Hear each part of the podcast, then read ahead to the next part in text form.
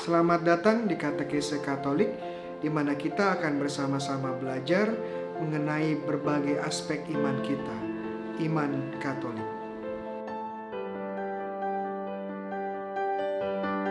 Shalom, teman-teman terkasih dalam Kristus, saya Romo Bayu Ope. Selamat datang kembali di program Katekese Katolik yang dibawakan oleh Aquinas Center for Theology and Spirituality dan juga oleh Faithline. Pada seri katekese kali ini kita akan bersama-sama belajar dan berdiskusi tentang kisah sengsara, wafat dan kebangkitan serta kenaikan Yesus ke surga. Terutama berdasarkan Injil Matius, Injil pada tahun liturgi A. Setelah episode lalu kita bersama-sama membahas tentang kata-kata terakhir Yesus di salib dan juga bagaimana Yesus memenuhi nubuat Nabi Yesaya kita pada kesempatan ini akan mendalami topik selanjutnya dari kisah sengsara Yesus yang menurut Injil Matius, yakni tentang kematian atau wafat Yesus dan juga bagaimana Yesus dimakamkan. Tentang wafatnya Yesus. Saat Yesus wafat, ada tiga hal yang terjadi. Pertama, tabir di bait Allah terbelah. Kedua, terjadi gempa dan ketiga, banyak orang kudus yang juga ikut bangkit dan kembali ke Yerusalem. Kita bisa lihat ketiga hal ini berdasarkan Matius 27 dari ayat 52 sampai 53. Nah, mari kita lihat lebih rinci kejadian-kejadian ini. Pertama, tabir di bait Allah yang terbelah. Tabir ini adalah sebuah tirai besar yang memisahkan bagian yang paling suci atau bagian maha kudus dari bait Allah dengan bagian-bagian lainnya. Bait Allah sendiri adalah sebuah pusat peribadatan bangsa Israel, di mana kurban setiap harinya dipersembahkan. Di tengah bait Allah ini ada sebuah bagian yang dianggap paling suci, paling kudus yang disebut dalam bahasa Inggris sebagai Holy of Holies atau dalam bahasa Ibrani kita sebut sebagai Kodes HaKodasim. Ruangan ini sendiri menjadi sangat kudus karena ruangan ini menjadi tempat bersemayamnya sebuah benda yang sangat penting. Benda ini disebut sebagai tabut perjanjian, benda paling kudus bagi bangsa Israel. Tabut perjanjian sendiri membawa tiga hal sangat sakral di dalamnya. Ada loh batu yang diberikan Allah kepada Musa di Gunung Sinai, juga ada tongkat Harun, dan juga ada roti mana yang turun dari langit saat bangsa Israel masih berada di padang gurun.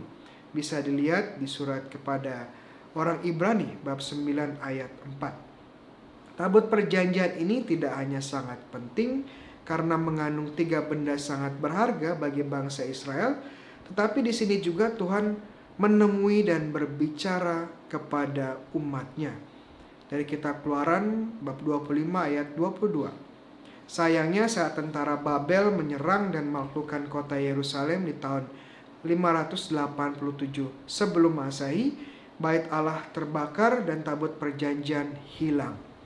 Saat bait Allah dibangun kembali, ruangan yang Maha Kudus tetap menjadi bagian yang paling penting namun tanpa tabut perjanjian. Tempat yang Maha Kudus ini tetap menjadi simbol kehadiran Allah di tengah-tengah bangsa Israel. Dan hanya imam agung yang boleh diizinkan masuk ke tempat tersebut. Setiap tahunnya hanya sekali, yakni pada hari raya perdamaian. Bisa dilihat di kitab Imamat bab 16. Saat Yesus wafat, tabir yang memisahkan antara ruangan yang maha kudus, ruangan yang paling suci, dan bagian lainnya terbelah. Dan Matius secara spesifik menyatakan bahwa tabir ini terbelah dari atas ke bawah, menandakan bahwa robeknya tabir ini bukan karena tindakan manusia, tetapi karena karya Allah sendiri.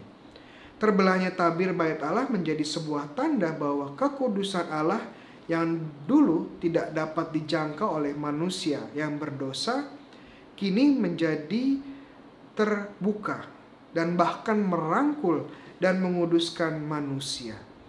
Ini terjadi karena Yesus memberikan dirinya di salib.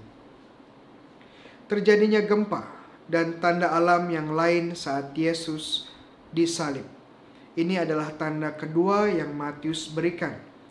Matius mengatakan bahwa kegelapan menyelimuti bumi dan saat Yesus wafat terjadi gempa bumi, bebatuan terbelah dan makam-makam terbuka. Ini menjadi sebuah tanda bahwa penderitaan dan kematian Yesus juga mempengaruhi alam semesta. Santo Siprianus, seorang bapak gereja, mengatakan bahwa kejadian luar biasa ini menjadi tanda dari alam semesta yang ikut menderita dan berduka saat sang penciptanya wafat. Tanda-tanda alam ini menjadi pemenuhan dari nubuat Nabi Amos yang berbicara tentang hari penghakiman karena terjadi karena seorang anak tunggal telah wafat. Nabi Amos berkata, "Tidakkah akan gemetar bumi karena hal itu, sehingga setiap penduduknya berkabung? Tidakkah itu seluruhnya akan naik seperti sungai Nil, diombang-ambingkan, dan surut seperti sungai Mesir. Pada hari itu akan terjadi demikianlah firman Tuhan Allah. Aku akan membuat matahari terbenam di siang hari dan membuat bumi gelap. Pada saat hari cerah, aku akan mengubah perayaan-perayaan menjadi perkabungan dan segala nyanyianmu menjadi ratapan. Aku akan mengenakan kain kabung dan pada setiap pinggang dan menjadikan gundul setiap kepala. Aku akan membuatnya sebagai perkabungan karena kematian anak tunggal, sehingga akhirnya menjadi seperti hari pahit dan pedih. Dari Nubuat Amos bab 8 ayat 8 sampai 10. Kemudian tanda ketiga adalah banyak orang kudus bangkit dan masuk ke kota Yerusalem. Kejadian ini hanya muncul di Matius dan Matius tidak memberikan kita banyak informasi tentang kejadian ini. Kita tidak tahu siapa yang bangkit dan untuk tujuan apa. Setidaknya ada dua teori yang menjelaskan kondisi kebangkitan para kudus ini. Yang pertama, mereka bangkit tapi kemudian akan wafat lagi. Ini seperti nasib Lazarus yang dibangkitkan dari kubur dan kemudian hidup seperti biasa lagi dengan saudari-saudarinya yaitu Marta dan Maria di Betania. Teori kedua adalah mereka akan bangkit dan untuk hidup selamanya. Kebangkitan ini adalah kebangkitan kekal seperti halnya yang dialami Yesus sendiri. Mereka menampakkan diri kepada orang Yerusalem bukan untuk tinggal bersama mereka, tetapi mereka ingin berikan kabar gembira bahwa kebangkitan badan adalah nyata. Dan ini dialami juga oleh orang-orang kudus. Kita akan mendalami kisah penyelipan Yesus yang berakhir dengan seorang perwira Romawi, tepatnya seorang centurion, yang setelah merasakan dan melihat fenomena alam yang terjadi mengakui bahwa Yesus adalah putra Allah.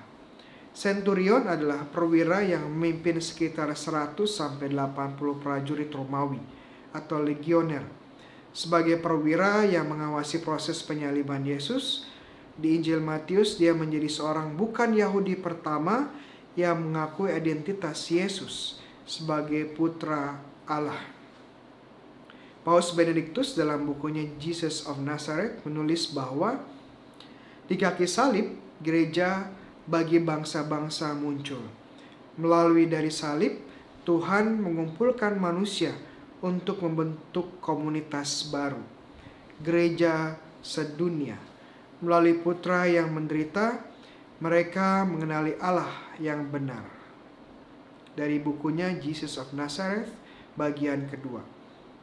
Dan tentunya bagian akhir dari kisah sengsara Yesus adalah tubuh Yesus diambil dan dikubur. Ada seorang murid Yesus yang bernama Yusuf berasal dari Arimatea. Kita tidak tahu dengan pasti di manakah kota Arimatea ini. Tetapi beberapa ahli mengatakan bahwa Arimatea tidak lain adalah kota Rama, sebelah utara Yerusalem, tempat Nabi Samuel wafat dan dimakamkan. Bisa dibaca di 1 Samuel bab 25 ayat 1. Selain itu dari Injil Markus bab 15 ayat 43, Yusuf juga merupakan anggota Sanhedrin yang dihormati. Mungkin karena status yang dihormati inilah Yusuf dapat memohon tubuh Yesus kepada Pilatus tanpa kesulitan berarti.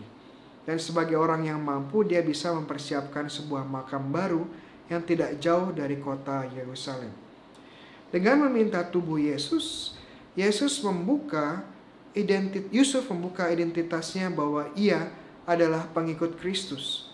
Dan dengan ini mungkin dia akan kehilangan posisinya sebagai anggota Sanhedrin. Saat persidangan Yesus di hadapan Sanhedrin, Yusuf tidak bisa berbuat banyak tetapi saat Yesus wafat, dia mampu memberikan tanda penghormatan dan kasih terakhirnya dengan menyediakan pemakaman yang layak bagi Yesus. Yusuf sendiri menyadari bahwa Yesus disalib dan wafat pada hari Jumat, hari persiapan Sabat. Dan sebagai orang Yahudi yang baik dan taat, Yusuf mengerti bahwa hukum Taurat melarang jenazah seseorang yang dihukum mati secara khusus dengan cara digantung di atas kayu atau di atas pohon untuk tidak berada di pohon semalam-malaman. Jenazahnya harus segera dikuburkan. Ini berdasarkan kitab ulangan bab 21 ayat 23. Karena bagi bangsa Yahudi, hari yang baru dimulai saat matahari terbenam dan bukan saat jam 12 malam, Yusuf sendiri menyadari bahwa dia tidak punya banyak waktu untuk mengubur Yesus yang wafat sekitar pukul 3 sore. Dia hanya memiliki kurang lebih tiga jam sebelum sabat dimulai. Dan upacara penguburan pun tidak berlangsung dengan dengan penuh keagungan, tapi sederhana. Sehingga ini dilaksanakan dengan cepat. Dan Yusuf juga tahu bahwa pada hari sabat tidak diperkenankan pemakaman terjadi. Dia menyuruh, dia pun mengerti bahwa saat dia menyentuh jenazah Yesus, dia akan menjadi najis. Setidaknya selama tujuh hari. Kita bisa lihat di kitab bilangan 19 ayat 11. Tetapi karena kasihnya yang begitu besar kepada Yesus, Yusuf tidak hanya membahayakan posisinya sebagai anggota Sanhedrin, tapi juga tidak merayakan peribadatan dan perayaan Paskah Yahudi karena dia menjadi najis saat dia menyentuh Yesus. Perlu dimengerti dalam konteks agama Yahudi, najis itu sendiri bukan dosa, tetapi sebuah kondisi yang membuat seseorang tidak layak mengikuti peribadatan dan upacara-upacara keagamaan. Bagian terakhir dari penguburan Yesus adalah para imam kepala meminta kepada Pilatus untuk mengirim tentara Romawi untuk menjaga makam Yesus.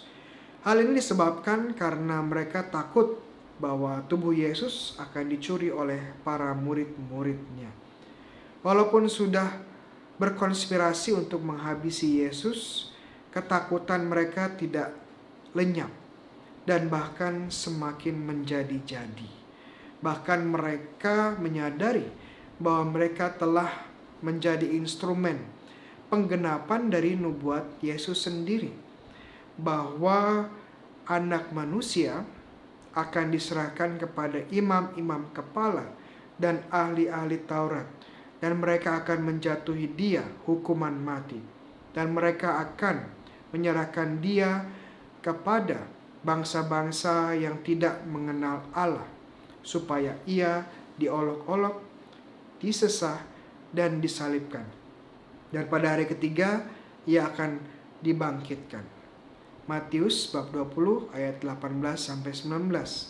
Menyadari hal ini mereka takut jika nubuat ini menjadi kenyataan. Mereka memastikan bahwa Yesus tetap berada di kubur.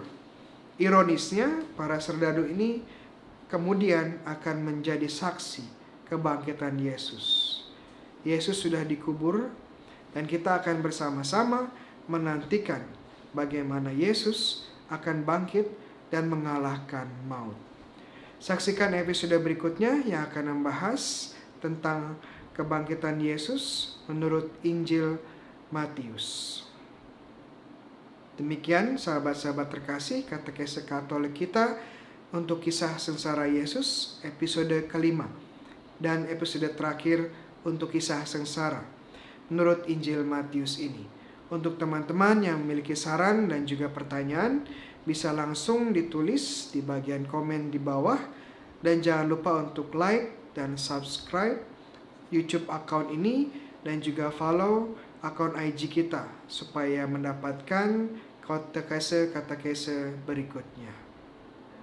Tuhan sertamu, kita semua diberkati oleh Allah yang Maha Kuasa, Bapa, Putra, dan Roh Kudus. Amin.